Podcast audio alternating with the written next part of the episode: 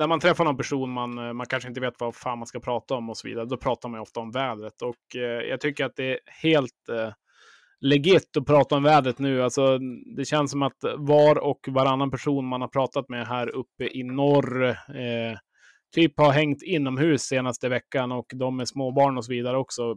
Going crazy, man vet som inte vad man ska göra åt det. Men nu börjar som folk tittar ut. Det är ungefär som att man ser solen för första gången lite grann. Och så går man ut och så är det ändå minus 22. Så det är inte så att det är varmt, men det är varmare i alla fall. Håller du med om det, Emanuel? Ja, men det är fasen den st st största grejen man lärt sig den här veckan. Alltså, vilken jädra skillnad det är på så 33 minus och 21. ja. Alltså 21, det var så här, jag behöver fasen inte ta jackan när jag ska gå och sätta i motorvärmaren. Det är inte, alltså, det känns ganska skönt det här. Man kanske tar ett skidpass. Eh, ja. Medan vanliga veckor, det är ju så 19 minus, det, då går man inte ut. Nej, och eh, jag gjorde, du kanske såg det, jag gjorde det här tricket som alla gör när man ska hälla hetvatten upp och det blir snö direkt i luften när barnen ville se hur det funkar. Ja. Eh, ett tips är att gör det bara en gång och det är bra, liksom. gör det inte två gånger, för det, chansen att det kan gå åt helvete är ganska stor. Utan första gången gick det hur bra som helst, det var ju perfekt båge. Andra gången eh, var det inte samma svung i kastet, så att eh, en, halv, en och en halv deciliter får ju rakt i ögat, svinvarmt. Så att, eh, Frös direkt. så att eh, tips från coachen att eh, gör det en gång och blir det bra så skit i det nästa gång.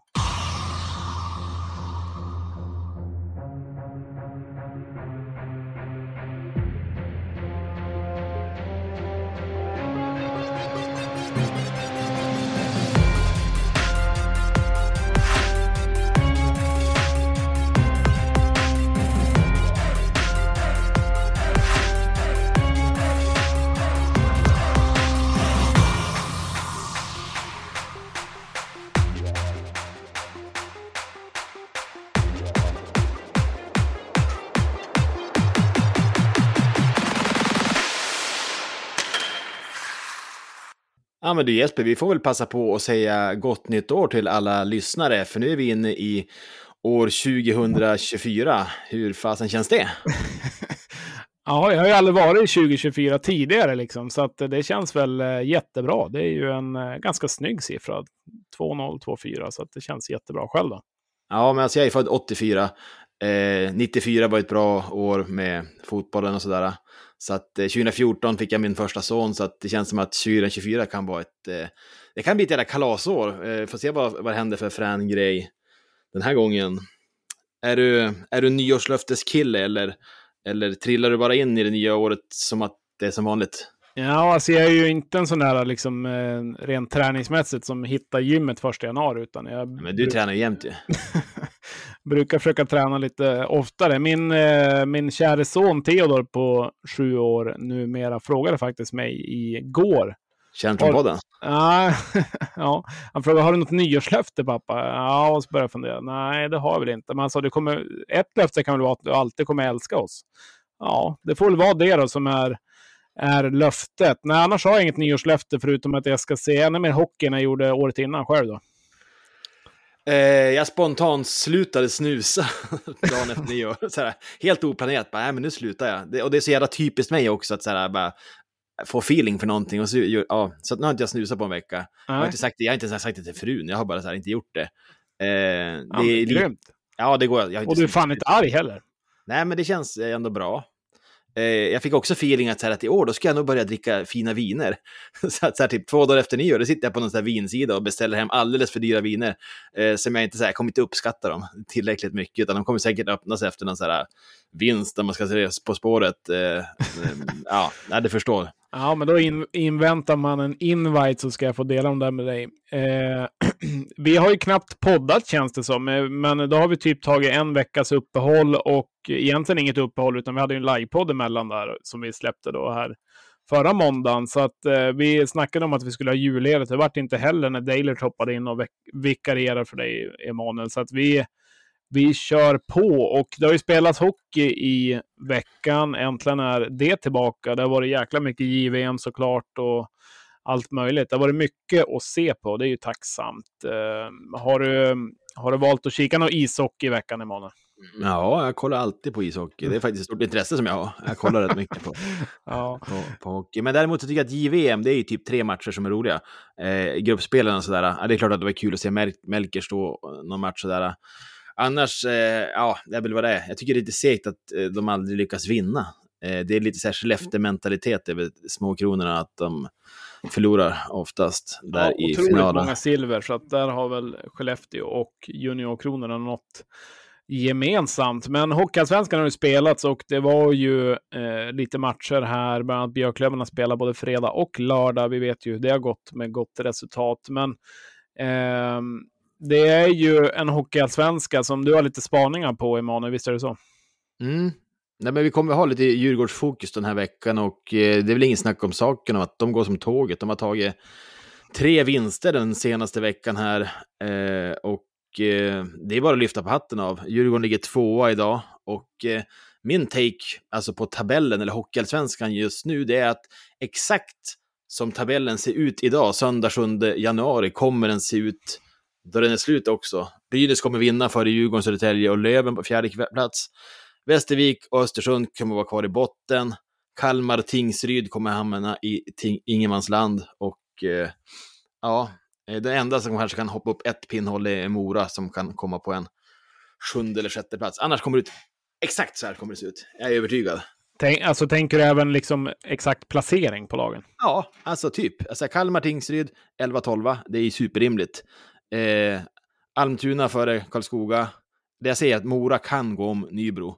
Hoppa upp på en sjunde plats. Sen har vi topp 6 då, Västerås, 5 AIK, Löven 4, Södertälje 3, Djurgården 2, Brynäs 1. Det här är superrimligt. Ja, eh, jag blir också lite besviken och tänker att jag kan skita i resten av säsongen här lite grann. Att, eh, att eh, eh vad fan, Löven kommer bli fyra. Det är ju en riktigt tråkig placering. jo, men och det, ger ju, det ger ju också de här äh, tydliga semifinalerna som man tänker. Eh, Brynäs, Löven, Djurgården, Södertälje. Eh, jag tänker att det är väl det folk, många förväntar sig. Eh, och det är alltså, det kan ju bli överraskningar, men jag skulle inte bli överraskad om det såg ut så i slutet faktiskt. Ja, nej men eh, intressant spaning. Eh, det vore såklart osannolikt om man kollar rent oddsmässigt att eh, alla lag skulle hamna på exakt samma placering när det ändå är ganska tajt. Eh, men eh, serien brukar ju sätta sig, det säger man efter typ 10-15 omgångar. Nu är vi långt inne där, vi är ju dubbla det, så att eh, det har väl, eh, det ligger väl någonting i det. Kollar man i botten, Västervik och Östersund, de kommer ju vara där. Det finns ju inget snack om saken. Liksom. Jag, jag skänker någonting, jag vet inte vad jag skänker, men jag skänker någonting om det inte händer. Eh, att Brynäs vinner serien vore inte osannolikt och så vidare. Så att, ja, det finns ju någonting i det. Eh, och eh, vi kommer även i dag, fundering mannen, Ja, men jag tycker att du är inne på exakt det att alltså, resten av serien den är lite ointressant på många sätt. Men med det sagt så kommer det inte hända, det kommer ju inte, eh, alltså det kommer ju fortfarande att hända intressanta saker. Eh, men typ som i veckan, eh, då, då Brynäs skickar Lindbäck från liksom ingenstans egentligen. Eh, det gör ju inte Brynäs mindre solklara seriesegrar, men man hajar ju ändå till. Vad tänkte du? Då, då den liksom grejen kom ut. Ja, nej, men alltså det är, att, att Lindbäck inte har gjort en supersäsong, det har ju inte gått någon eh, obemärkt förbi givetvis. Och han har gjort ganska rejäla tabbar i flera matcher liksom, som har innebär, inneburit ett mål bakåt. Nu har ju Djurgården, eller vet du, Brynäs ändå varit ganska solid defensiva rent i insläppta mål bakåt. De ligger ju givetvis i topp och ligger i topp i insläppta, eller gjorda mål framåt, vilket har gjort att de har ändå kunnat vinna matcher. Men vissa matcher har de fått göra fem mål för att vinna matchen. Liksom. Så att, att eh, Brynäs ska byta målvakt, eh, eller ta in en ny målvakt, kommer ju inte som en skräll. De har ju dessutom pengar för det. Eh, att de gör det och i princip inte har någonting klart eller på gång. Det ryktas ju om Brattström till exempel och det är klart att alla, alla höjer på ögonbrynen för det. Han kom till Löven och tog inte en badboll i princip. Nu är det ju hårt att bedöma honom på två matcher i det läget Löven var i säsongen också, men det är ju inte så att man förväntar sig att de kommer ta in Brattström, utan man tänker att nu tar de in någonting riktigt bra, typ när Modo tog in Bartosak eller liknande. Sen är ju målvaktssidan också sådär. Det är ju inte så att det finns hur mycket som helst att välja på, inte när säsongen är igång och så vidare heller. Så att, eh, det är ju liksom att hitta någon andra liga i Europa eller liksom något mm. AL, ECH eller liknande för att hitta någon guldklimp, men det ska ju klicka också. Så att, eh, jag, jag, jag, är ganska kritisk till det beslutet av Brynäs. Sen kan jag förstå att de vill byta målis, men det känns som att det har hänt någonting mer också. Ja, men exakt. Inte bara alltså, att han har varit dålig egentligen. Nej, för han har ju inte varit bra. Han har inte varit sämst i ligan heller. Eh, det kan man inte säga. Och jag tänker, vad ger det här för ringar på vattnet i Brynäs? Alltså, Lindbäck, det är ändå liksom en, en högprofilerad spelare som säkert är väldigt nära vän med Anton Rudin och Johan Larsson och de här andra liksom, eh, överkvalificerade spelarna i Brynäs. Och att eh, då Brynäs som klubb och Johan Alsen väljer att sparka honom utan särskilt mycket motivering. Eh, det ställer ju frågor liksom. Varför får han sparken? Är det bara på grund av sportliga grunder och hur kommer det att påverka de andra? Det ska bli, det ska bli intressant att följa, tycker jag. Ja, nej, verkligen. Det, eh, jag var ju tvungen att kolla lite grann också om eh, spåret med eh, Brattström, liksom, är det på riktigt? Finns det någon mm. sanning i det? Och det gör det verkligen. Alltså, det finns sanning i att Bratt, Brattström, att de har kollat sig för. Så att, eh, ja, det är ju intressant. Eh, och liksom hur de löser... här då? Ja, jag ser inte hur det ska hända, men... Ja. Nej, men om man tänker så här då. Alltså, Brattström har ju varit bra. Eh, är fortfarande en stor talang. Kan Brattström i år bli så bra att han är tillräckligt bra för att ta upp Brynäs? Alltså jag tror till, till och med att Lindbäck hade kunnat lösa det i, i, om nu Brynäs fortsätter vara riktigt bra. Inte för att jag tycker att han har varit jättebra i målet, så att ja, varför inte? Men eh, det, det, är ju ett väldigt högt spel Brynäs spelar ifall de tar in en Brattström som varit ganska kall, inte fått spela mycket matcher, kom in i Hockeyallsvenskan Löven, gjorde det inte speciellt bra, så att de spelar ju, de spelar ju högt kort här, det gör de ju. Mm. Nej, vi kommer in på det senare med, med vår gäst också, att det finns andra alternativ som kan bli aktuella för Brynäs.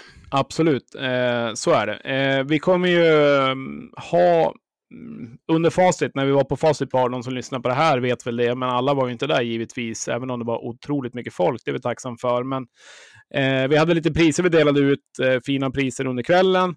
Eh, och vi har ju lite priser kvar också att dela ut x antal. Eh, där kommer vi snurra ett hjul här senare under avsnittet, eh, få fram vilket pris vi delar ut och sen eh, vem som vinner det. Och det är ju bland våra Patreon. Så det är en ganska bra lista där med namn som finns, finns att välja på som kommer vinna något. Det är framförallt väldigt starkt med snurrhjul i poddformat ja, och ingen kan se liksom. Så jag tänker att det här Jesper, när det är dags så får du filma det här också så vi har något slags bevis på att det är inte du som rullar tummarna som är det här snurret utan att Nej, det finns... jag är väldigt nöjd att jag lyckas hitta ett snurrhjul också. Jag, vi ska nästan ha tillverkat.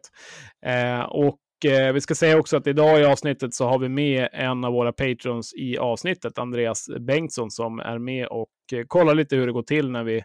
Man kan säga att han är på, eh, ja, han på studiebesök, studiebesök. Ja, det ska man kunna säga. Ja, det, följa med pappa på jobbet typ.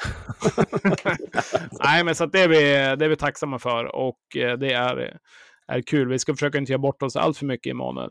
Eh, det blir jag svårt. tycker att jag tänker att vi går vidare.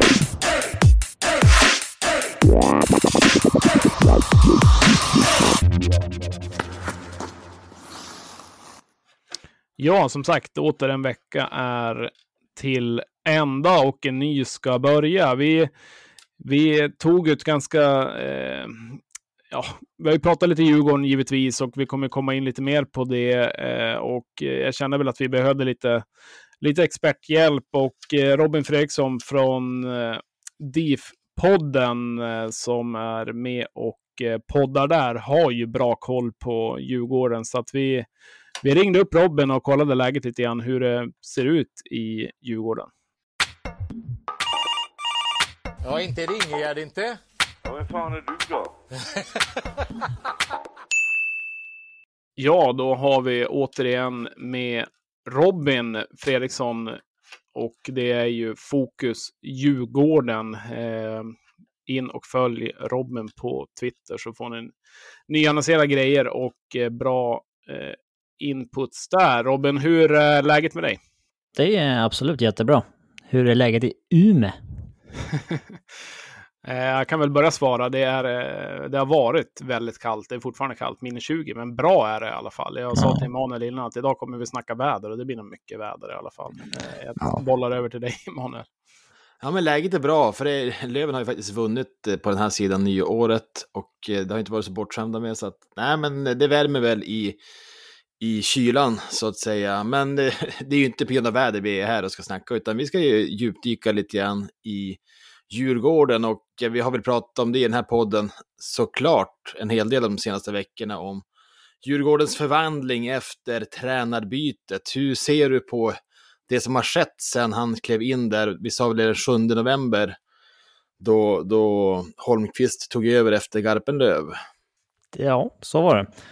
Um, egentligen så um, har inte Djurgården förändrats så mycket.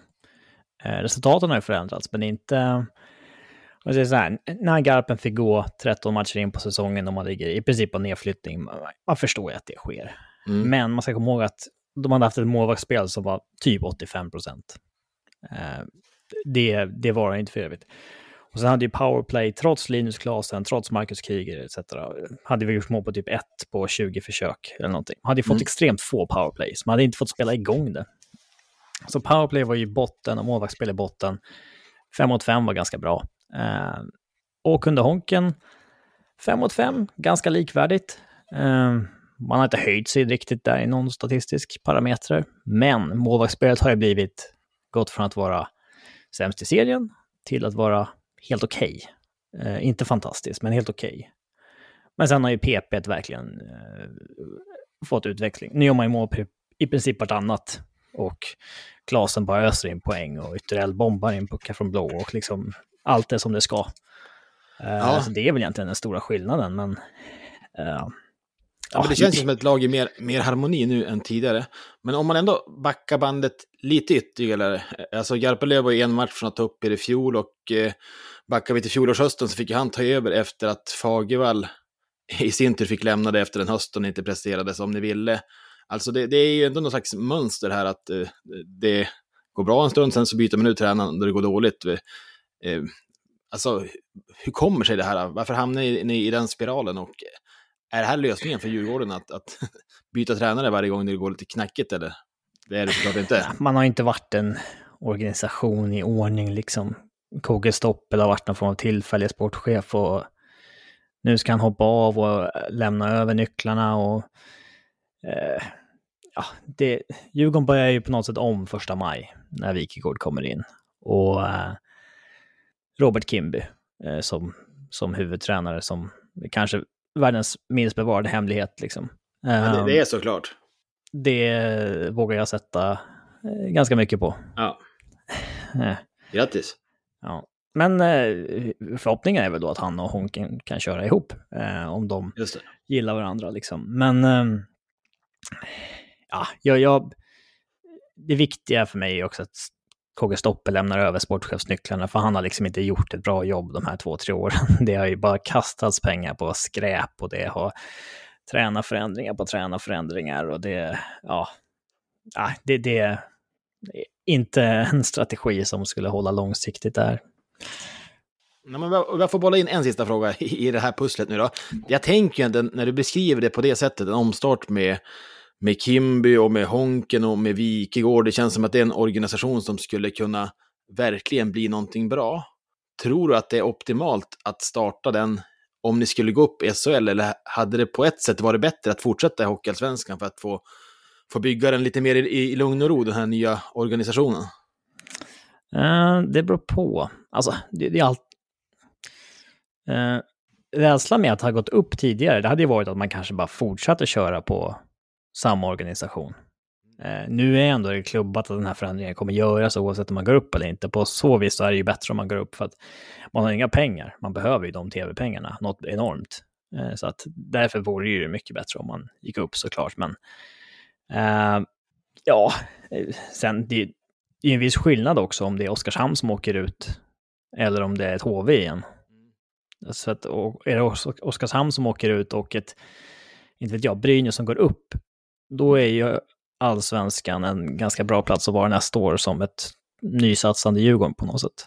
Eh, men äh, det är klart att det vore bättre att gå upp. Liksom. Det vad är 70 miljoner i tv-pengar istället ja. för 5? Alltså, det är pengar Djurgården behöver kan jag säga utan att ha insyn helt i ekonomin.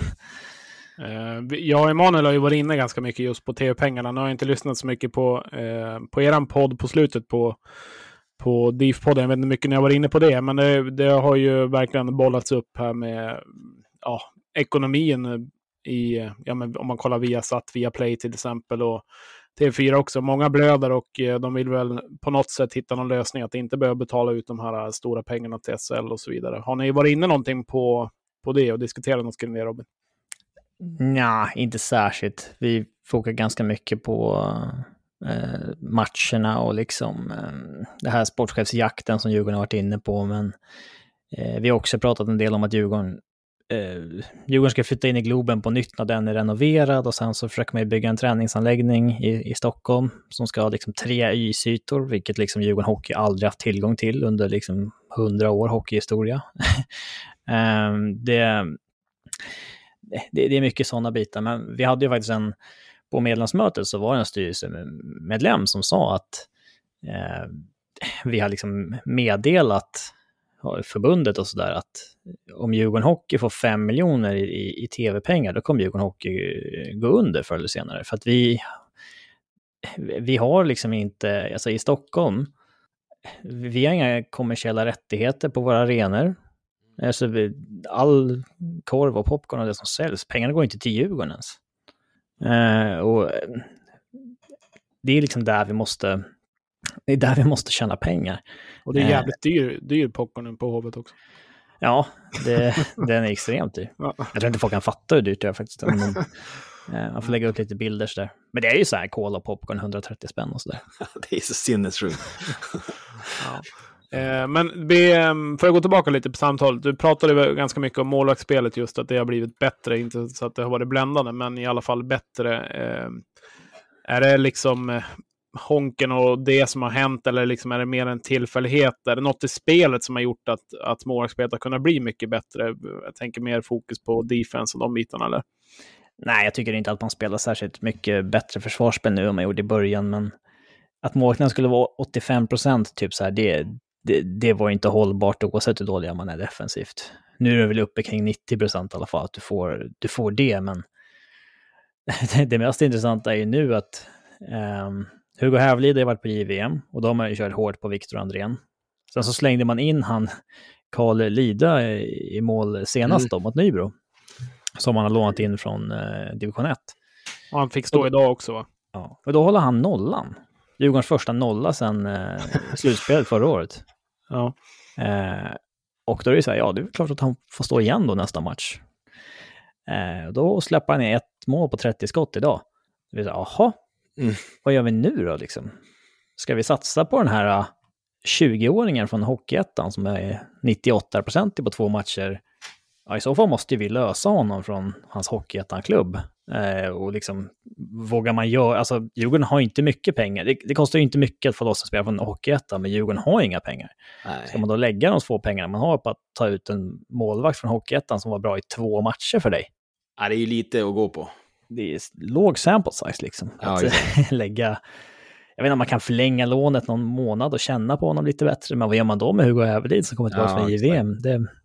Ja, men det var lite det jag tänkte också. Alltså rent målvaktssidan, inför säsongen så var det väl något man kanske lyfte på lite, att målvaktssidan kändes sådär i Djurgården.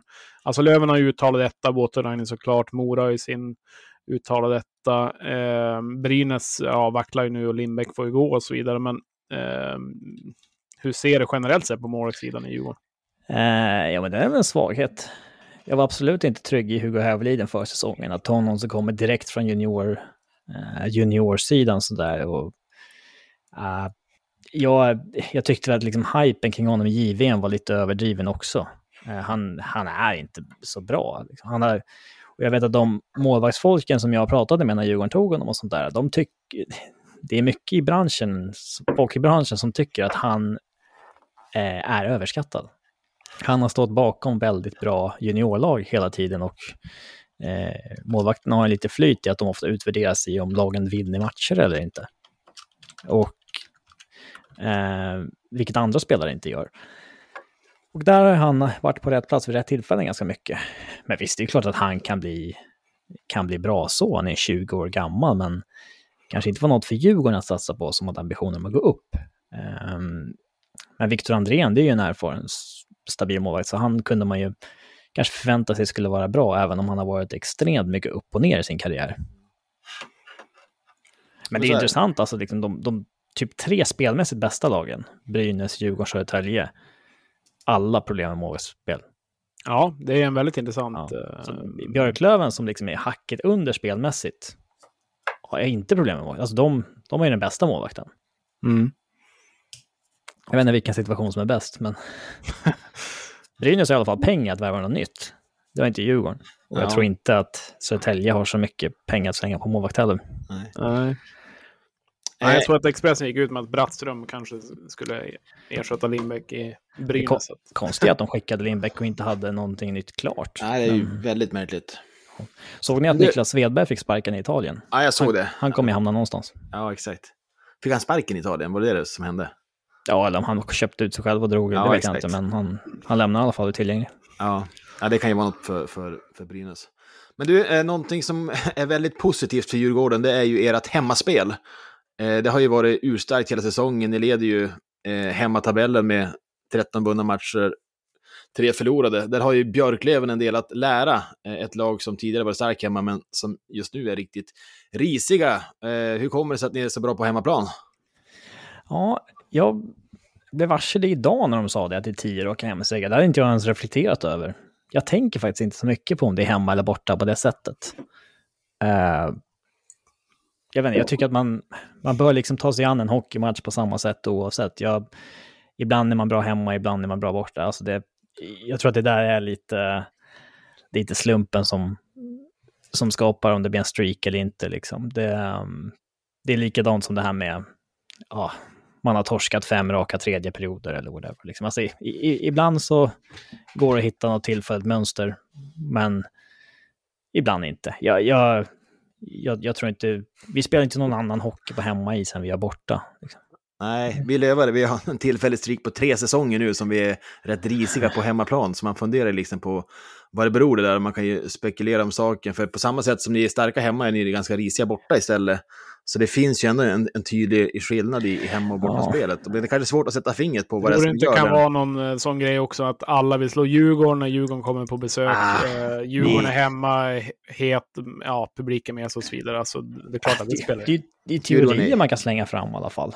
Och sen så tror jag att Linus Klasen tycker att det är lite roligare på Hovet inför 5000 än att det är nere i Västervik. Men han är också så pass mycket hockeynörd att han tycker att när man väl är där ute så är det det roligaste som finns, liksom att uh, göra sina dragningar hit och dit. Liksom. Men uh, jag var inne på det tidigare, att eh, det är viktigt att vi börjar lyfta upp lite juniorer. Uh, för vi har ett extremt bra juniorlag i år. Och det har vi ofta, men i, i fjol så var ju de redan uppe från start. Alltså Ögren, Läckelmäki, Östlund etc. Men nu lyfter vi upp lite under säsongen och det är viktigt att få in någon sån injektion i varje kedja där eh, för de brinner ju varje match. Det är ju liksom så här, wow, dra på mig Djurgårdströjan och åka till Almtuna. Det, det, det tänker nog inte Daniel Brodin efter 15 år som seniorspelare. Liksom. Nej. Ehm, så det, det, Och det det, var ju, ja, men det, det var ju plus, lite, tycker grann, eh, lite grann receptet förra gången som ni gick upp, då ni var nere i, i Hockeyallsvenskan. Så då, ja, men då kom ju säcken in tillsammans eh, med de här yngre spelarna som han hade väl hade med sig från, från J20 den gången. Så jag tänker att eh, där har Djurgården att, någonting att, att eh, bygga på även den här gången. För att eh, jag tror att de äldre gubbarna, som du säger, behöver den där pushen från de yngre. Gradin var inne på det också, någon eh, Modo-podd också, när, alltså liksom, när Modo gick upp också, att de hade de där hungriga som liksom kunde göra, göra det jobbet. Alltså kollar man på Löven till exempel, ett ganska ålderstiget lag och kanske inte finns det där drivet alla gånger. Eh, en fråga från eh, Andreas Bengtsson här som är med eh, från våran Patreon då. Hur långt kommer Diff gå i år? Eh, final? Eh, frågetecken. Är det bara Brynäs som utmanar? Alltså jag tycker ju att Djurgården, Södertälje och Brynäs är de som har bäst förutsättningar. Men alla vacklar målvaktsmässigt. Och det, det är inte någonting som kanske löser sig över en natt. Utan... Eh, men det känns ju ganska öppet race ändå. Alltså det är ju mm, fyra, fem lag som har, eller ja, jag tror inte, jag tror att det finns fyra lag som har en god chans. Jag tror inte Mm. AIK eller Mora är, liksom, har något att ge ett slutspel. AIK är dessutom brutalt överskattade. Så de, jag vet inte ens om de kommer komma topp 6 när det är sagt eller gjort. Liksom, de ligger ju... De har ju haft bäst målvakter i serien typ. Eh, men jag vet inte om de är så pass bra att de håller hela säsongen och sen fem mot fem-mässigt så är de ett av de sämsta lagen i serien. Liksom. Men de har ju prickat rätt på sina spetsvärvningar. De har ju ja, bra topp 6 forwards, men de som måste vinna matchen åt dem. Men det är ju väldigt ofta de liksom åker till Tingsryd och blir sönderskjutna 40-15 liksom. Alltså mm. det händer ju ofta för dem. Eh, det, de, de tror jag inte på långsiktigt. Så att, det är härligt att få in en djurgårdare som snackar ner AIK ja. lite grann. Det är fantastiskt. Ja, alltså, så, så är det ju med dem. Ja, ja, det, är inte, äh, men det, är väl, det är väl ett av lagen som absolut har... Mm, överpresterat. Ja, ja överpresterat rejält. Uh, nu förlorade vi senast mot Löven här bara i, i helgen, men, men uh, ja, det var ju kanske tillfälligheter. Eh, men eh, ni har ju spelat en match idag också när vi spelade in det här mot Västervik. Jag såg noll minuter av den eh, matchen, men jag såg att ni vann och med 4-1 och att Klasen fick hänga två och bland en på straff. Då. Eh, lite om eh, den matchen Robin. Eh, ja, rivstart. Har 3-0 efter 10 minuter. Ehm, överlägsen första period, man vinner väl skotten 16-8. Uh, mål på straff. Um, gör mål i powerplay, allting eh, klickar på. Eh, sen så gillar jag inte alls hur man hanterar resten av matchen. Det är egentligen Västervik som först börjat andra och tredje perioden. Och det var samma sak Västervik var på HV sist. Eh, jag tycker inte... Eh, jag tycker inte att det är rimligt att de liksom ska äga spelet i två av tre perioder mot oss på hemmaplan och att vi inte dödar matchen. Um, för det var lite... Ja, men nu blev det inte så, men förra gången mot Östersund när vi hade 4-0 och liksom då hade vi hållit Östersund till sex skott på 50 minuter. Sen så vinner de skotten sista 10 minuterna med 15-1 och gör tre ja, mål. Eh, alltså, det, det, det, har varit lite så här uh, riktiga dippar i matcherna mot... Och det, det, kan bli lite så när man vinner väldigt mycket, att man liksom eh, tar inte i lika mycket längre, utan man börjar släppa av på takten och så... Ja, just nu tycker jag faktiskt Djurgården har radat upp ganska många halvdana prestationer med att uh, resultatet sminkar, sminkar grisen lite grann. Just det. Du, eh, vi ska strax avrunda. Eh, vi har ju många gröngula Björklöven-lyssnare på den här podden och eh, Olle Liss har ju gjort ett par säsonger hos oss, spelat hos er. Hade ju en väldigt undanskymd roll under Garpenlöv, men han verkar trivas bättre nu va? Eh, vad har vi för status på Olle idag? Eh, jo, um, han var ju till och med 13 forward och sådär under Garpenlöv ibland, men han spelade ju fortfarande i powerplay och powerplay funkade ju inte, så då var han ju till slut uh, petad där. Men uh, uh, ja, alltså sista matcherna innan Garpen fick gå så spelade han liksom 4 minuter, 0 minuter, 13 minuter. Det. Men det ska sägas att Honken spelar honom inte så mycket heller. Han klockar in på liksom 11, 12, 13 minuter och sen Uh, han har inte gjort över 20 minuter någon match under Honken, eller liksom över 16 tror jag. Utan det är, han spelar mycket powerplay och väldigt lite 5 mot 5, men det tycker jag är ganska... Det är ganska klokt matchat egentligen. Ja, alltså i, ibland så kan tränare, inte vet jag, luras lite av att någon är bra i powerplay och så ska de spela mycket 5 mot 5 också, men där, där är Djurgården bättre spelare helt enkelt. Det, eh, så det är väl exakt så han, så han ska användas tycker jag. Sen så, när han har det där skottet, ditt jäkla... När du har Klasen på andra sidan, det är svårt att... Eh, det är ju klart att det är dem du ska satsa på där. Liksom. Ja. Det, ja, men det är ju... Det är ju kvalitet i det skottet, det går inte att säga någonting om. Men eh, skridskoåkningen och övriga i 5 mot 5 är ju kanske inte lika sexigt. Men då är det ju bra att spela med som en rollspelare lite NHL-aktigt. Att in, eh, in där det behövs och där han kan, kan påverka. Det är väl bättre det än att han ska glida runt och göra misstag i 5 mot 5. Ja, så är det. Alltså, han har egentligen varit eh, som bäst i 5 mot 5. Det har han varit när han fått spela en fjärde line med Emil Berglund. Eh, just nu så spelar han ju eh, ja, med Emil Berglund och David Blomgren. Och det är ju ingen liksom blomstrande miljö så i, i 5 mot 5, men ja, man har lite gubbar bort också i och för sig, Kryger och sådär, men oh. Ja, han skulle vara nöjd att han har en Djurgårdströja på sig. Han var väl verkligen på väg, på väg bort där, men nu spelar han där. Men eh, du Robin, lite, lite framtid bara. Eh, nu har jag inte koll på spelschemat exakt här, men vad, vad, tror du framåt här för Djurgården? Det är ju en väldigt viktig del av säsongen vi går in i också. Nu ska ju ska ju placeringarna sättas och eh, eh inför ett slutspel som inte är alltför långt bort. Vad, vad tror du och hur tänker du om kommande tid här? Ja, jag har inte kollat så mycket på spelschemat heller. Jag ser att vi har Mora 10, Almtuna 13 och så. Men um, när är uh, deadlinen? Att ta in spelare?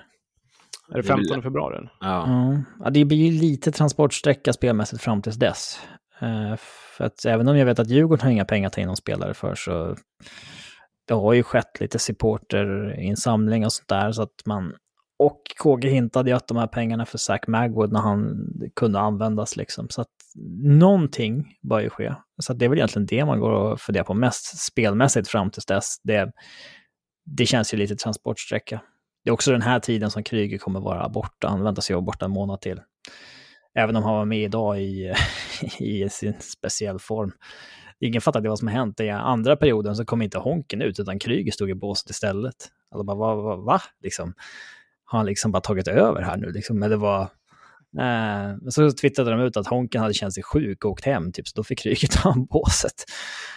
Eh, ja, just det. Sätter man inte vilken spelare som helst kanske i det, i det förtroendet, men eh, kanske förklara varför de var skitdåliga i andra och tredje perioden. Exakt. Kriget fick feeling. Ja. Han får ja, coacha det... eller spela, vi får se. Exakt, men det är i alla fall jävligt skönt att vi är på ett nytt år och det är snart vår, vi ska få slutspel. Eh, snart säger... vår, det var optimistiskt. Ja, men fan, vi får sju plusgrader här i veckan nu för att återgå till, till, väder, till vädertemat. Eh, så att, ja, det ska väl bli det åtminstone någon gång framöver. Och vi får väl säga stort tack igen för, för att du är med Robin och att vi får lite initierat här om Djurgården. Det är vi väldigt glada för. Um, så att, ja, tack så mycket. Eh, lycka till säger vi inte, men ha det gott kan vi säga. Ja. ha det bra Robin, vi hörs.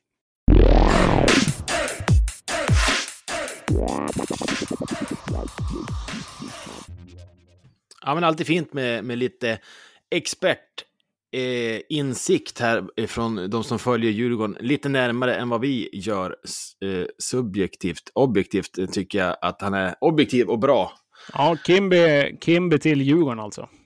Ja, det, eh, som sagt, det har man ju anat, men det, det lät ju väldigt eh, säkert eh, på att det skulle bli så. Och ja, men det är väl klart att det blir väl rätt steg för honom. Eh, ja, det svider ju lite. Alltså det är en kille som man har ett gott öga till. Och att han nu ska hamna hos en troligtvis eh, stor konkurrent inför nästa säsong, det är ju... Det är trist. Ja, eh, det skulle vara intressant att veta lite. Alltså när, när han gick från Löven också, mm, gjorde ju givetvis stor succé. Sen eh, körde han väl eh, lite grann och sen gick han ju helt av. Liksom, var mer civilkarriär eller vad. Sen tillbaka igen. Om det har funnits liksom något större samtal med Löven och vad Löven har liksom tänkt att erbjuda. Det är klart att han vill ha en huvud, huvudtränarroll, men eh, eh det är ju verkligen en guldklimp, Kimby. Det är den där tunnelbanan som drar. Ja, det är väl så. Eh, jag, jag, kan inte säga någonting. Varje gång jag är i Stockholm så kommer jag dit som en glad turist och jag är alltid lika imponerad av hur bra tunnelbanan är och hur alla springer och hur alla liksom klagar på att det är så dyrt att åka tunnelbana när man liksom inser vad fan kostar det att ha en bil egentligen. Så att, eh, nog, om, nog om tunnelbanan. Nej, men eh, intressant och eh, trevligt att ha med, med Robben. Eh, jag tänkte att vi skulle ta koll lite grann och ge lite hyllningar, Emanuel ta inte han riktigt än, utan känn lugnet.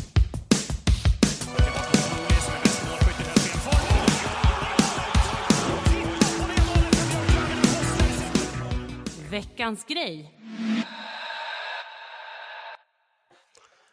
Ja, vi ska ta ut eh, någon händelse, ja, ett lag, någon prestation, någonting, någon som har gjort någonting bra. Det händer ju inte alltid, men oftast i alla fall. Och vi har väl kollat i påsen lite vad vi kan hitta.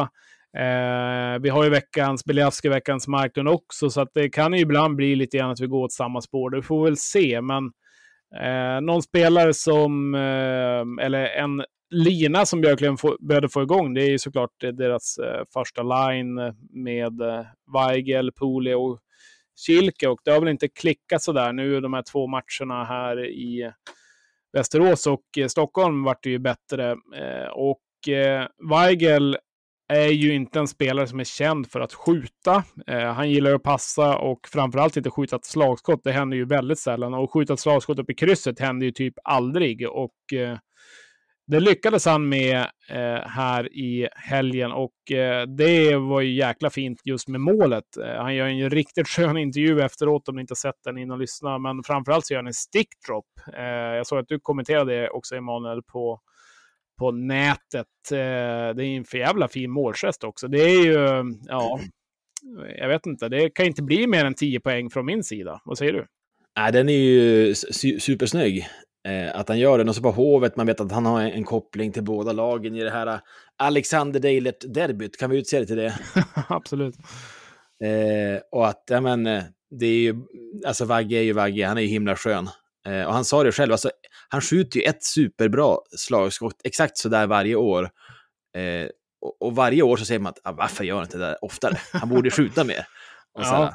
och så fortsätter han att passa och passa och passa. Ja, eh. men han har ju verkligen haft lägen också och inte valt, och, valt att skjuta. Och man blir ju lika förbannad varje gång. Liksom. Eller Löven överlag har ju varit lite, lite det självförtroendemässigt. Men, eh, men kom man inte i matchen efter i något liknande läge och skulle skjuta slagskott, men fick någon så jädra felträff och man inte kanske varför han, varför han inte gör det där så himla ofta egentligen. Ja, jag tänkte inte på det själv, men det kan stämma att det var så. Eh, nej, men det var väl det var väl bra, så det är väl en nominering från min sida. Annars tycker jag Löven förtjänar en nominering egentligen som eh, åker efter eh, stora, stora problem.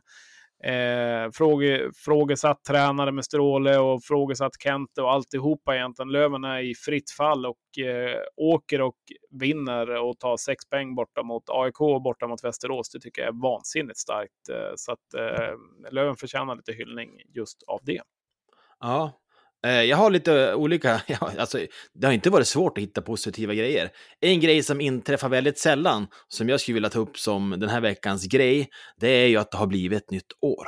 Eh, det händer ju liksom bara en gång per år. eh, och det är, ju, det är ju den här veckan vi har möjlighet att, att, att, nominera det. Och även fast det bara så här, det blir bara en ny vecka, så är det ändå så himla tydligt liksom, a, a, men, vad säger man, avslut och början. Mm. Att här börjar det något nytt. Eh, Björklöven går nu in i det nya året och vinner två raka matcher. Jag tänker att det kan bli... Ja, men exakt. exakt. Och så här, eh, nej men för alla lag är det ett nytt år. Man får chans att börja på ny kula. Man kan, lite som kungen är ju lite av en profil i våran podd här, att man vänder blad och att eh, börja på någonting os oskrivet här. Eh, så därför tänker jag att det nya året skulle kunna vara en nominerad. Någon annan som vi inte får glömma heller, eh, det är ju våran eh, Jona Voutilainen jädrar så bra han är. Alltså, han har ju flest nollor i serien, han har minst snitt eh, insläppta mål, han har bäst eh, räddningsprocent. Alltså, när vi satt på uppesittarpodden så var det lite diskussion om vem som var seriens bästa målvakt, det kommer du ihåg? Jo, vi, eh, vi gav den av barm, barmhärtig. Ja, men vi visste ju att egentligen så är Jonna bättre och det tycker vi, jag tycker han visar det väldigt tydligt nu på slutet. Eh, jag tänker att den kan vi spara, för den kan ju komma upp i ett annat avsnitt i den här podden. Eh, men, och jag skrev... men vi kan ju prata lite kring mål, alltså just, vi var inne med Robin också med det, men alltså det är ju ändå en intressant take. Alltså Brynäs uppenbarligen är ju inte säkra på målvaktssidan från att gör sig av med Lindbäck. Eh, alltså Djurgården till exempel, ja nu har de ju tagit in någon, ja vad var det, någon division 1-spelare liksom fått stå.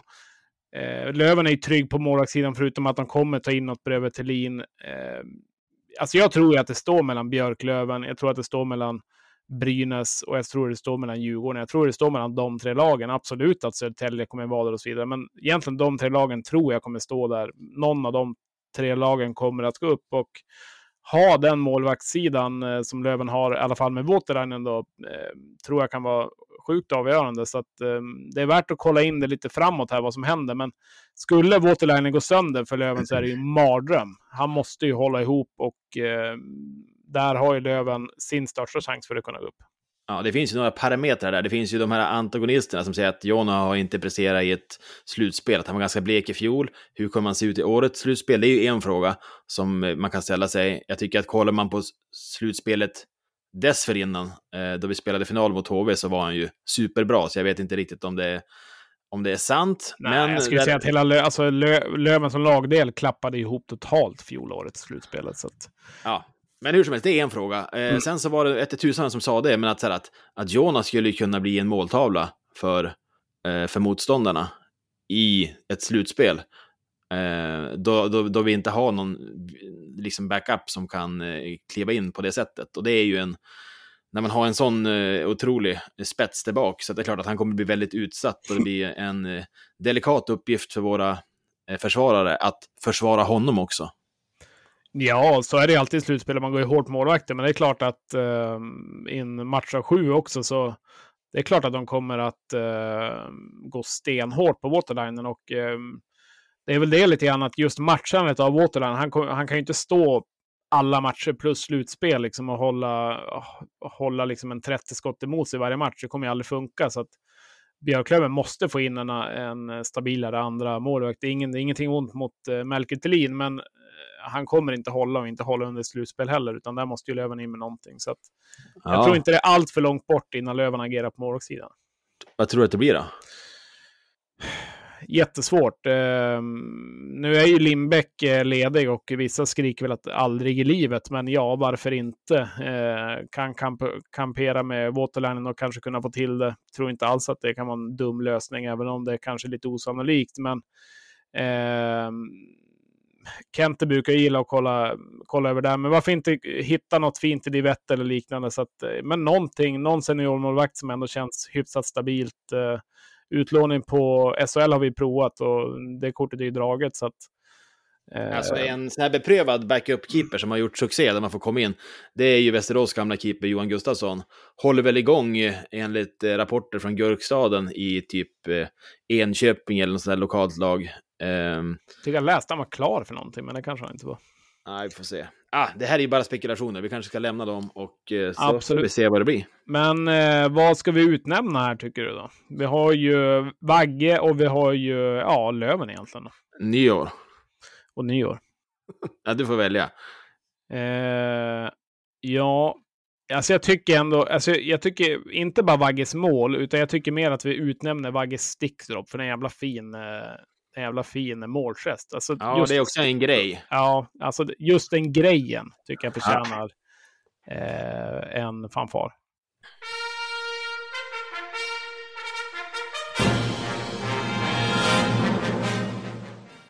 Ja, fanfar till Vagges stickdrop. Inget ont om slagskottet, men eh, stickdroppen var snyggare tycker jag.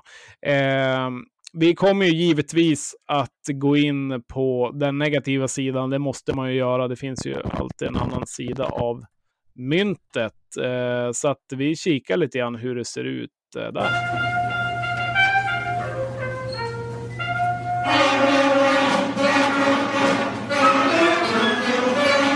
Nej, nej, jag tror faktiskt inte. Nej.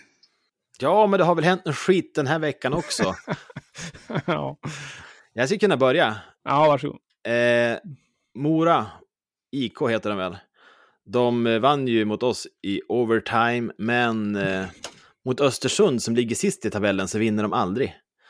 Eh, jag tror de har förlorat typ tre eller fyra raka matcher mot Östersund och... Eh, det visste jag inte. Nej, alltså, och det där är ju som, det är någon förbannelse som de har. Och det, det, gör det ju riktigt besvärligt för dem i tabellen. De sladdar ju lite grann nu nere på en åttonde plats.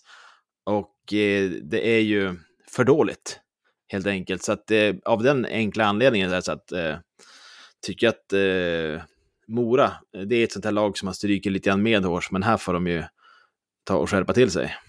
Ja, eh, nej, det är ju helt klart värt en nominering. Det är ju för dåligt, precis som du säger. Eh, men jag, jag reagerar lite grann på nu när vi klippt ut tabellen och så vidare, att nu kollar man ju väldigt mycket just på placering, men att, att Mora ändå halkar ner till en åttonde plats. Eh, de var ju ändå i absoluta toppen. Eh, visst, om man någon match mindre spelad, till exempel två matcher mindre spelad än Löven, skulle de komma ikapp och ta sex poäng så skiljer det bara två poäng. Nu kanske de inte gör det, men, men eh, det är ju inte läge att börja tappa nu för att placeringarna kommer ju vara livsviktiga när det väl ska summeras och eh, slutspelet ska kolla. Men alltså kollar man också Mora, om du kollar liksom eh, scoring leader, så de har ju egentligen ingen i toppen heller. Så att eh, Mora mm, tror jag, de kommer nog vara där någonstans i mitten. Jag tror inte de kommer ta sig upp till absoluta toppen och eh, det är väl en ganska vettig tabellplacering för Mora också. Jag tänker att etta, tvåa, trea, nej.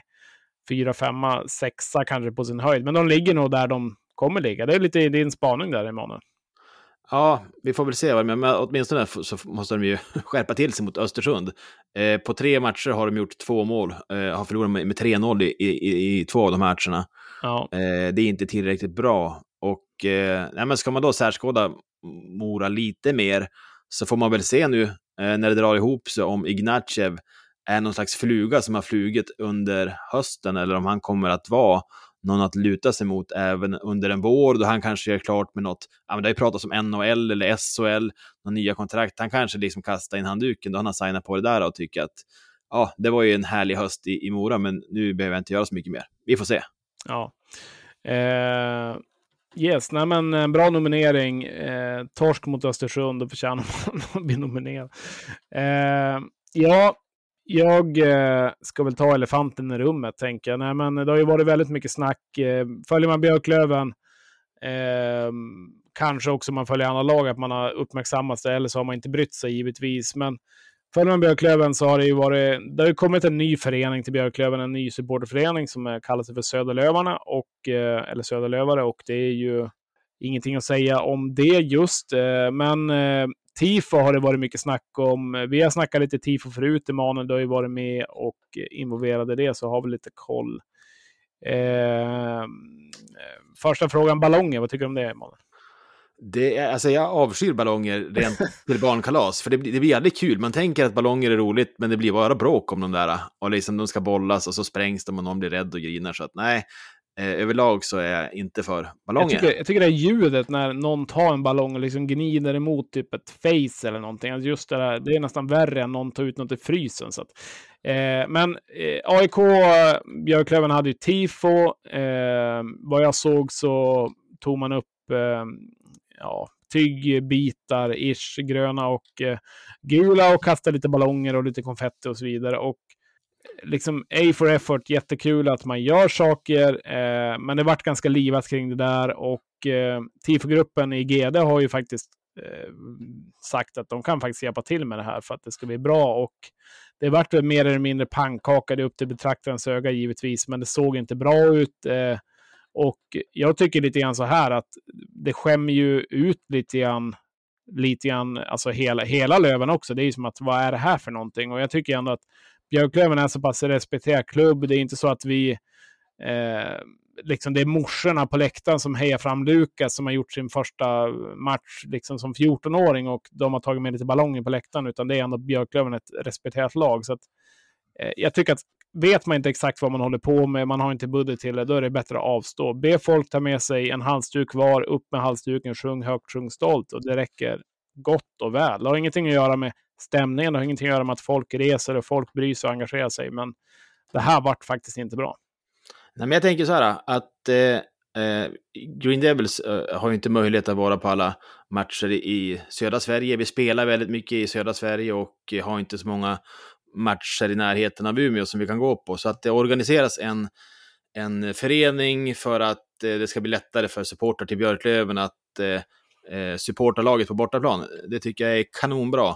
Jag tycker inte att det är bra då det uppstår splittringar inom supporterleden. Eh, Så därför tänker jag att är man då en, en ny förening så är det jätteviktigt att ha dialog med de som har, har liksom representerat klubben officiellt på bortaplan innan dem. Eh, Så att det finns en förståelse för vad man håller på med där. Eh, Och sen vad man tycker om tifot, ja men det är ju alltid i betraktarens öga.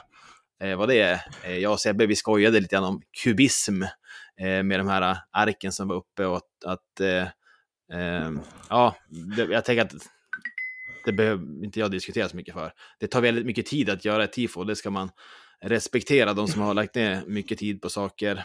Eh, och att ta hjälp är ju eh, är alltid en god egenskap. Ja, om det, om det erbjuds hjälp också. Det var ju, vi hade ju ett beryktat A4-tifo i, i Umeå också. Eh, Finalen var mot HV. ja, där en Facebookgrupp skulle liksom, eh, ja, Björklöven Facebookgrupp skulle ta initiativ och göra ett, ja, det vart ett A4-tifo. Jag vet, jag hade det A4-arket framför mig. Jag visste som inte ska jag täcka hela mig själv eller vad gör jag med det här? Så att, det vart ju inte heller bra och då vet jag också att det erbjuds hjälp att liksom, får man hjälp av de som kan och kollar man de tifon som eh, GDs eh, tifogrupp har gjort på slutet, där det är ju hög klass på tifona. Det är ju väldigt bra klass på det. Det är ju liksom mitten av 2000-talets klass ungefär. Så att, eh, ta hjälp av de som kan och eh, Eh, det är väl mer det. Alltså jag tycker att det, det är för dåligt. Jag tycker det varit skämmigt. Eh, jag vet att jag gick ut ganska hårt med det på Twitter. Eh, vissa höll väl med mig, kanske inte alla. Vissa vart väl stötta, tyckte att eh, jag var en pajas och så vidare. Men ta det med mig i så fall. Eh, jag är fine med det. Men jag, min ståndpunkt är att det vart inte bra. Eh, gör om, gör rätt. Så tycker vi kan lämna det där. Ja, men vi måste utse någon här. Blir det Mora eller ska vi... Jag tycker inte vi ska slå in någon större kil mellan oss supportrar. Jag tycker Nej att Mora kan absolut. ta det den här veckan. Nej, men alltså förlor, förlorar man mot Östersund, då, är, då är det för dåligt. Och då, då får man en, eh, en slutsträng. Det finns inte en ballong i världen som kan eh, rädda Mora. Jag tror faktiskt inte. Nej.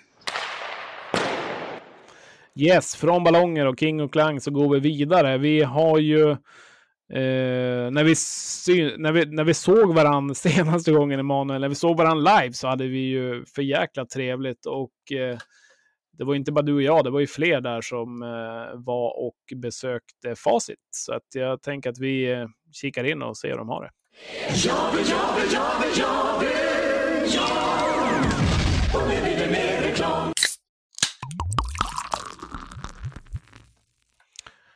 Ja, åter den här veckan så har vi med Facit Bar och det är vi ju givetvis glada för. Vi hade ju ett, eh, en livepodd, vi släppte ju den här förra måndagen ifall det är någon som har lyssnat på det och det var ju väldigt trevligt. Några ord om det, Emanuel? Ja, men alltså det var ju jättekul. Eh, jag vet inte, jag tycker vi har sagt det, det mesta om det eventet. Kul att så många kom och synd att vi inte hann snacka så himla mycket längre, för vi skulle på match allihop. Eh, det hade ju varit kul att snacka mer. Eh, vi fick ju käka Lövenplankan för första gången och den kommer ju finnas kvar på facit under matchdagar hela vägen fram till slutspelet. Så den kan man, alltså var man inte med på våran grej så kan man åtminstone gå dit och testa maträtten. Och de har ju även någonting liknande på tisdagar som kallas för tisdagsplankan som har premiär nu till veckan den 16. Då får man en dunderdel, dunderdeal, heter det eh, på svenska, eller kanske även på engelska, jag vet inte. Där man får en plankstek för Eh, 275. Eh, så in och boka bord där på facitbar.se och eh, gå och smaka den, för det var jättegott. Det var det, det var gott och det var trevligt. Och eh, gör det, in och eh, hälsa på Emil Åring och gänget så blir ni säkert inte besvikna, tänker jag.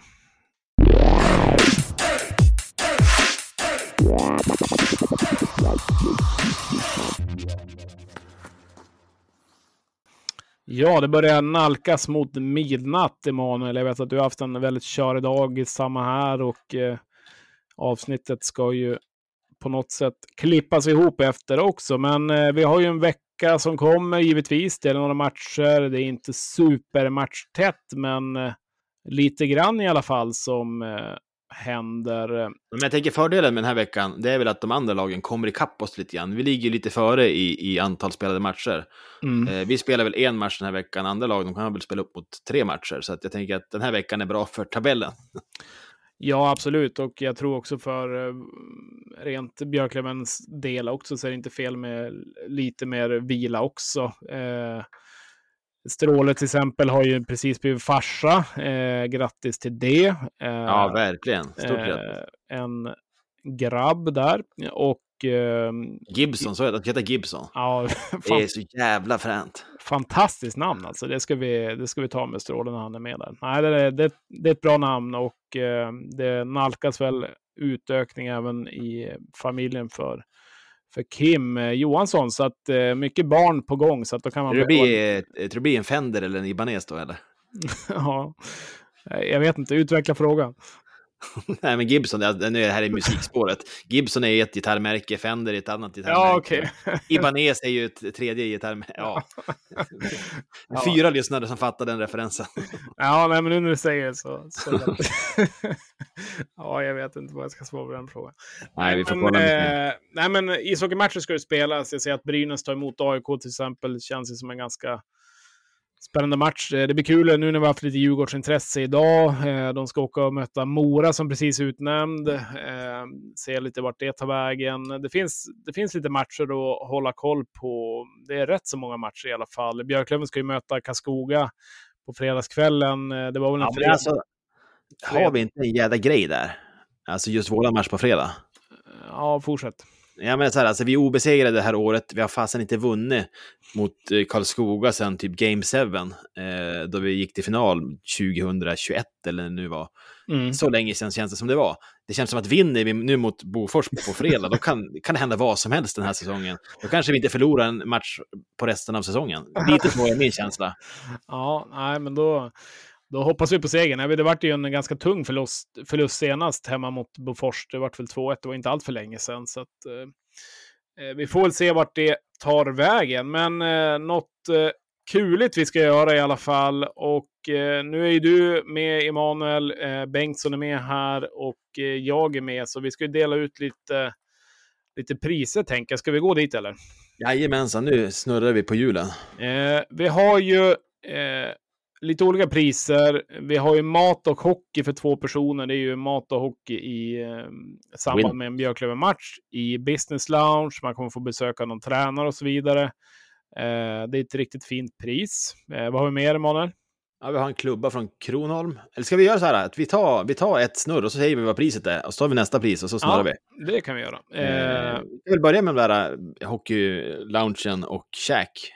Ja, nej, men jag har ju separata hjul här. Jag har ju ett hjul för vilket pris det blir och så har jag, då tar vi ut, Ah, jädrar så spännande. tar vi ut liksom namnet där. Det Eh, här görs ju bättre i tv får man ändå säga. Ja, men jag ska filma det i alla fall på min telefon så att det, det är inte någon som tänker fan vad han fuskar då.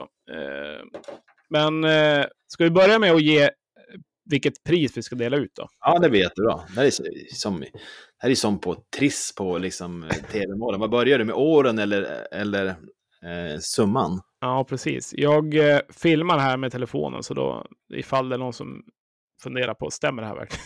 Ja, har du tryckt på knappen? ja, knappen är tryckt och där har vi första pris. Det är blandade souvenirer. Vi, vi har ju lite Björklöven souvenirer. Det är någon eh, det är någon pennor, det är någon puck och det är lite allt möjligt i den här påsen. Va? Ja, eh, blandade souvenirer. Jag tycker du beskriver det väldigt bra. Ja, precis. Och eh, det, vi får se vem som får det här då helt enkelt. Snurra på det hjulet, det större. Jag tänker du får anteckna Emanuel som... Ja, jag gör det här. Och det går till Kristoffer 77. Jag vet att det är en Sävarpojk. Han var med idag när vi spelade innebandy. Han stod i mål. Så att, eh, Det är riggat, Sävar. ja, det är riggat. Eh, vi säger grattis till Kristoffer Grattis, Kristoffer. för det priset. Eh, är du med Emanuel? Jajamän, tar vi kategori nummer två, ska vi se här. Yes. Och skulle det hamna på samma nu igen, nu var jag dum som inte tog bort det, men det gör det inte. Så. Eh, det är mat och hockey. Oh. Eh, mat och hockey gånger två. Ingen aning vad värdet är på priset, men eh, det kostar en slant och tar det. Och vi snurrar på större hjulet och då ska vi se vad som kommer där. Det är inte samma namn, det ser jag i alla fall. Det är en till Kristoffer, Kristoffer Berggren. Kristoffer Berggren. Eh, mat och hockey för två. Kul, grattis. Eh, grattis Kristoffer. Och då ska vi se, då tar jag bort de som vi redan har gett ut. Yes, tre priser kvar. Vi snurrar på det hjulet. Jag förstår att det här är ganska dålig radio för de som lyssnar på det, men det går ju att zooma fram om man vill. Då är det signerad ishockeyklubba av Kronholm. Den är tejpad och klar också, så det är bara ut och spela om man skulle vilja göra det. Och vi ska se vem som tar hem det priset. Ja, jag har den här bakom mig. Det är en Bauer. Eh, ja, precis. Den ser dyr ut. Eh, Patrik Jonsson, stort grattis. Eh, nu är Andreas Bengtsson med oss här, men jag såg att det var en ifrån Bengtsson, bara för att strö lite salt i såren. Men, eh, vi säger ta- eh, grattis till Patrik Jonsson till ishockeyklubban. Hoppas att den är rätt vinkel för dig. Då har vi två priser kvar. Vi har en signerad keps Palmebjörk, en special edition, och vi har en Radio 1970-mugg. Nu, är, nu kommer vi upp på alltså, de övre hyllorna här. Nej. eh, Och det är en Palmebjörk-keps eh, signerad. Det finns ju bara 34 stycken av dem, eh, så att det är ju ett unikt pris. Visst är det lite Lynx, eh, visst är den det? Jajamän, jag har en sådan själv faktiskt. Mäktigt. Och då säger vi grattis till Kim Huldén. Kim Huldén, ja. Då är sista priset en 1970-mugg. Och det gjordes ju inte heller allt för många exemplar, så att den är ju också lite special edition på det sättet. Om inte annat så dricker man gott kaffe i den. För sakens skull så snurrar jag fram den på hjulet och den som får det är ja. Nu är det spännande. Jonas Söderlund. Nej, det är en till Sävarbo, eller hur? ja, det är det faktiskt. Ja, det är något lurt med det här. Ja. Eh, vi säger Nej, precis. Ja. Du? Nej, precis. Stort grattis! Stort grattis Jonas och eh, två av fem till Sävar. Ja, det är starkt. Det får man ändå säga. Nej, men kul med lite att vi kan eh, bjuda på lite priser och sånt där. Det är alltid spännande, även om det kanske inte är det bästa för poddformatet. Eh. Nej, det är det ju kanske inte, men det är ju vad det är, håller jag på att säga. Och eh, det skulle ju delas ut på något sätt. Eh, så att vi säger stort grattis till alla vinnare och framförallt tack för för alla som är med. Det är ju en otroligt lång lista och det är vi ju jättetacksamma för att ni är med och hänger med oss. Eh, och eh, Emanuel, ifall man ska nå oss, hur gör man då? Ja, men exakt. Man kan ju då gå in på eh, sociala medier. Det finns ju många som helst. Instagram, Threads eller X, Twitter. Och då är det ett Radio 1970. Eh, vill man skicka e-post till oss så gör man det på podcast radio1970.se. Och vill man då bli Patreon och kunna vinna sådana här fina priser som vi precis har lottat ut, så då, då går man in på patreon.com radio 1970 och så väljer man vilket medlemskap man vill ha. Där finns det lite olika nivåer. Eh, min, eh, min pojk, han spelar i hockey i Lövens juniorlag och nu har han bestämt sig för att bli målvakt. Och jag var inne och googlade lite grann på målvaktsskydd för barn och insåg att ja, jag behöver dra in lite extra kulor här om han ska, om jag ska kunna finansiera hans idrottande här. Så det vore bra med några extra Patreons helt enkelt. Ja, nej, så är det. Det är inte, det är inte billigt, absolut inte. Men kul, ja. med, kul med keeper. Ja. Eh... Nej, men inte för den sakens skull, utan vi är bara jätteglada att, att det finns folk som vill supporta det vi gör. Och eh, kan vi bjuda tillbaka med lite specialavsnitt eller annat så eh, är vi glada att kunna göra det. Ja, eller priser. Så att eh, det är ju Superkul. Nej, men stort tack. Eh, kul att ni är med oss. Det är vi superglada för. Det känns eh, skönt att det är ett nytt år som du säger, Emanuel. Vi är igång igen. Eh, det har varit lite ledigt här i några dagar, så att nu är det bara framåt i livet. Ja, blåstället på. Det är några sådana veckor nu, så att nu kavlar vi upp ärmarna och eh, åker med full fart in i det nya året. Ja, jobba inte ihjäl er ute, ta hand om er så hörs vi framåt. Och eh, Manne? Ska jag säga, ska jag säga det? Nej, men det kan inte det. Det går inte. Du, det är du som är brandman. Det, det går inte. Nej, då säger jag det. Slang ut.